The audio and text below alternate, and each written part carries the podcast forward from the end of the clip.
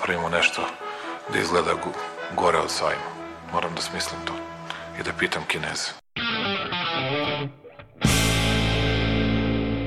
I've today left hospital after a week in which the NHS has saved my life.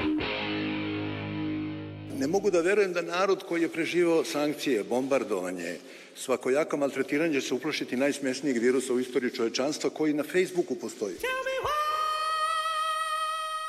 And now I'm better and maybe I'm immune, I don't know. Dobro večer. Mene su poslali iz štaba. Ja ću vam pomoći. Aleksandar Kocić Jelena Viser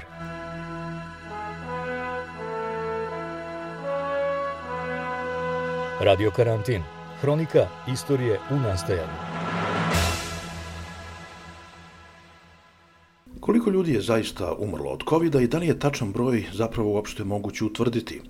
Ja sam Aleksandar Kocić i u današnjem radio karantinu tražim odgovor na to pitanje.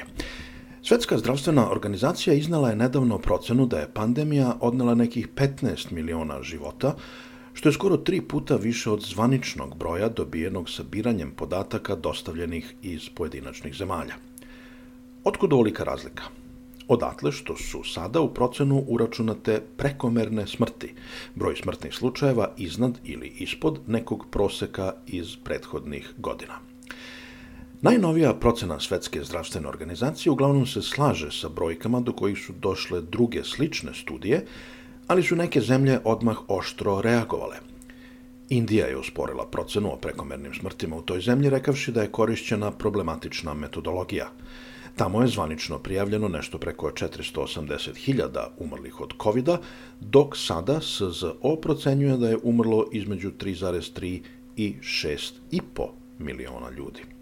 Zvanični podaci o broju umrlih inače uvek su niži od procena o prekomernim smrtima jer stižu sa zakašnjenjem i nepotpuni su, a neke zemlje ih i ne dostavljaju.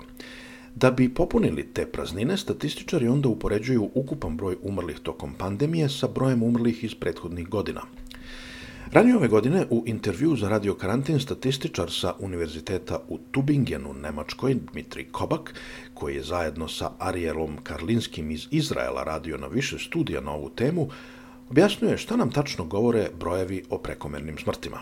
Excess deaths tell us how many people more are dying now compared to what we would expect, right, based on the on the previous years. Prema njima možemo da vidimo koliko više ljudi je umrlo ove godine u odnosu na prethodne i to nam je onda objektivan pokazatelj koliko je negde situacija zaista loša u poređenju sa normalnom. I tu spada sve, i povećan broj umrlih od covid ili od drugih bolesti jer je zdravstveni sistem preopterećen, ali i pad broja umrlih od nekih bolesti, na primjer od gripa zbog karantina i tako dalje.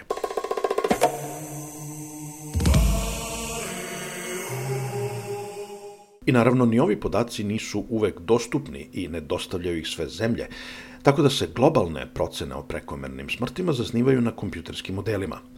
Svetska zdravstvena organizacija procenjuje tako da je ukupan broj prekomernih smrti za 2020. i 2021. 14,9 miliona.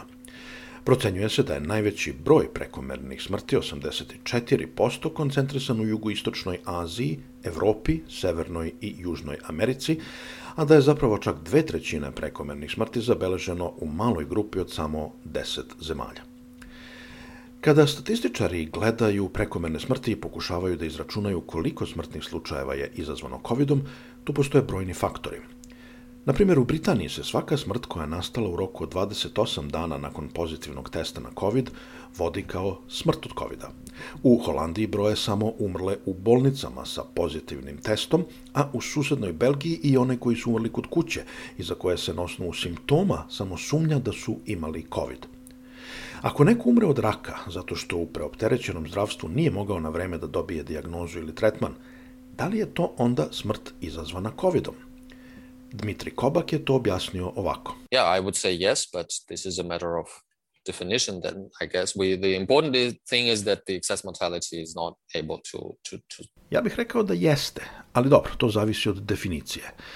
Ovde je važno naglasiti da prekomerna smrtnost ne može da razlikuje te situacije – Ali ako gledamo situaciju po zemljama, uzimajući obzir samo karakteristike jedne određene zemlje, onda možemo da izvedemo preciznije zaključke. Na primjer, možemo da gledamo zemlje i vremenske periode za koje znamo da u toj zemlji nije bilo prenošenja zaraze, odnosno da je bilo, ali u veoma malom broju, kao na primjer u Australiji 2020. Ima puno takvih mesta. Ako gledamo takve zemlje gde su mere protiv covid bile veoma stroge, nošenje maski, karantini i slično, a zaraza bila na niskom nivou, vidjet ćemo da je smrtnost drastično opala. To su u 2020. Australija, Novi Zeland, Urugvaj i još neke zemlje gde je prekomerna smrtnost negativna, jer je opala smrtnost i od drugih respiratornih bolesti kao što su grip ili prehlada. Onda imamo zemlje gde prekomerna smrtnost vrlo konzistentno prati broj umrlih od covid kao što su Belgija ili Peru. To su zemlje koje su imale jak tala smrtnosti od covid i kod njih prekomerna smrtnost ide korak u korak, iz nedelje u nedelju. Takvi slučajevi nam potvrđuju da je COVID primarni uzrok smrtnosti, a ne to što, na primjer, pacijente od raka ne dobijaju tretman zbog covid -a. E, onda imamo zemlje kao Velika Britanija, gde je prekomerna smrtnost u prvom talasu u aprilu 2020. bila mnogo veća nego smrtnost od covid -a. To nam ukazuje prilično pouzdano da u tom periodu nije rađeno dovoljno testova. Radio karantin. Svetska zdravstvena organizacija inače nije jedina institucija koja koristi podatke o prekomernim smrtima da izračuna broj umrlih od covid -a. Magazin Economist ima svoje procene koje variraju od 12 do 21 milion umrlih tokom 2020. i 2021. dok Institut za merenja i procene u zdravstvu iz Sijetla procenjuje da ih je bilo između 17 i 20 miliona. Sada su pak statističari u Svetskoj zdravstvenoj organizaciji korigovali procene za određene zemlje, nakon što su našli neke neočekivane greške. Najkrupnija revizija urađena je za Nemačku, gde je broj smrtnih slučajeva izazvanih COVID-om smanjen za 37%, dok je za Švedsku povećan za 19%. Kada je SZO u maju objavila svoj izveštaj o smrtima izazvanim COVID-om, pojedini posmatrači su počeli da sumnjaju u podatke za Nemačku, polazeći od nekako opšte prihvaćenog mišljenja da se ta zemlja odlično borila sa pandemijom. Da bi izračunali broj umrlih od covid statističari gledaju ukupan broj umrlih u nekom periodu i onda od njega oduzmu broj očekivanih smrtnih slučajeva, a to su oni koji bi se dogodili da nije bilo pandemije. Ono što preostaje su prekomerni smrtni slučajevi koji se onda pripisuju covid i to se smatra pouzdanijim pokazateljem od zvanično prijavljenih brojeva zbog različitih kriterijuma koje zemlje koriste i zbog činjenice da neke zemlje ne prijavljuju uredno sve. Brojevi koji se ovim putem dobijaju su i dalje samo procene i zahtevaju redovne revizije.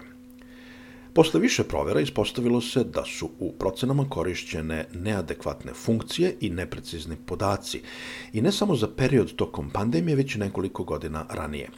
Tako se na kraju došlo do značajnog smanjenja u broju prekomernih smrtnih slučajeva u Nemačkoj tokom pandemije, ali i korekciji na gore za Švedsku. Ne treba posebno objašnjavati da ovakve revizije imaju i političku težinu, jer broj umrlih indirektno oslikava reakciju vlasti na pandemiju. To u velikoj meri objašnjava ranije pomenuti otpor vlasti u Indiji prema brojevima do kojih su došli nezavisni statističari. Radio karantin. Prema zvaničnim podacima u Srbiji je do sada od koronavirusa umrlo nešto oko 15.000 ljudi, a skoro 2 miliona je bilo zaraženo. Međutim, prošle godine je mreža za istraživačko novinarstvo BIRN objavila da je broj umrlih zapravo daleko veći, pa se država tada pravdala različitim metodologijama koje se koriste u vođenju evidencije, a premijerka Brnabić kategorično demantovala da je država manipulisala brojem umrlih.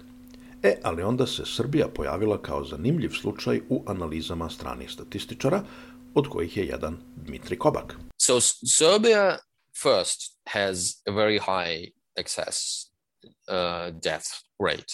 It's one of the top countries in the world by excess deaths per 100,000. Ako pogledamo Srbiju, prvo ćemo videti da ima veliki broj prekomernih smrti, jedan od najvećih na svetu na 100.000 stanovnika.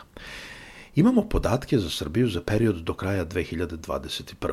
Dobro je što se ti podaci objavljuju bez velikih kašnjenja i reklo bi se da su pouzdani. Na osnovu tih podataka možemo da izračunamo prekomernu smrtnost za celu 2020. i 2021. I dobijamo 750 na 100.000, što znači da je gledano po ukupnoj prekomernoj smrtnosti od covid umrlo 0,75% kompletne populacije, što je drugi najveći broj umrlih na svetu, posle Bugarske, a slično Rusiji. Broj umrlih od covid koji je Srbija zvanično prijavila je četiri puta manji. Mislim da je ovo najveća razlika u Evropi. Veća razlika od oko 10 puta uočena je u Tadžikistanu, Uzbekistanu i Egiptu. U Bugarskoj je zvanični broj dva puta manji, u zemljama kao Francuska, Nemačka ili Britanija jedan ili manje od jedan.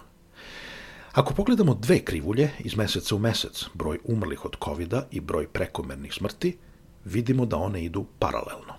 So I know nothing about the situation in Serbia with, with this reporting. I I know this better for for Russia. Ja ne znam ništa o tome kako se u Srbiji prijavljuje broj umrlih od covid -a. Ovo ukazuje da je način brojanja možda neadekvatan, da nema dovoljno testova i slično. Ali moj osjećaj je da to nije slučaj, jer teško da to može da dovede do ovolike razlike od četiri puta. To je prevelika razlika. U Bugarskoj je, kao što sam rekao, taj broj 2 i to je lakše objasniti. To ukazuje na teoretsku mogućnost da se brojevima umrlih od covid svesno manipuliše. U Rusiji znamo da se to definitivno dešava u pojedinim, ne u svim regionima. Na primjer, kao uzrok smrti može da se navede upala pluća, bez da se kaže šta je dovelo do te upale pluća.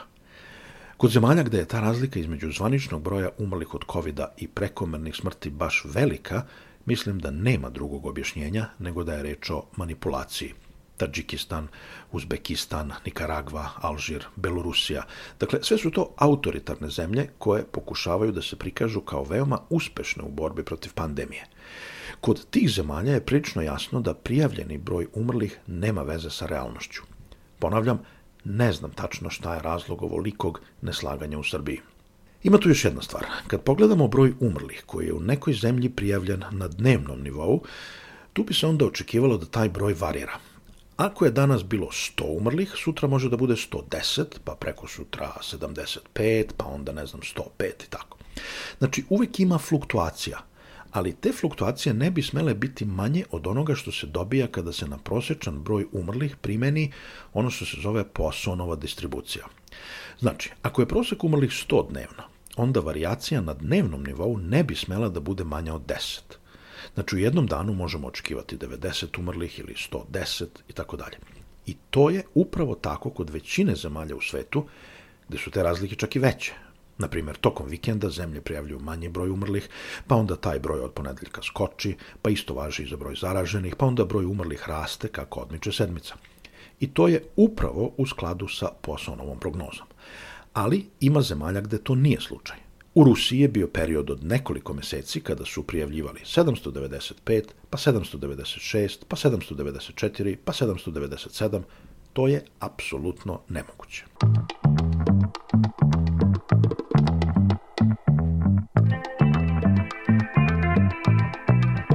Radio karantin. Bio je to statističar sa Univerziteta u Tubingenu u Nemačkoj, Dmitrij Kobak.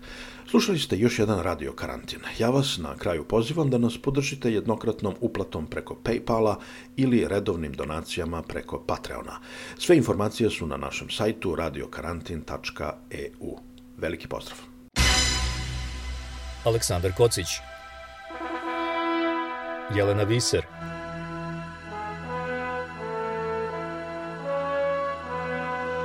Radio Karantin. Hronika istorije u nastajanju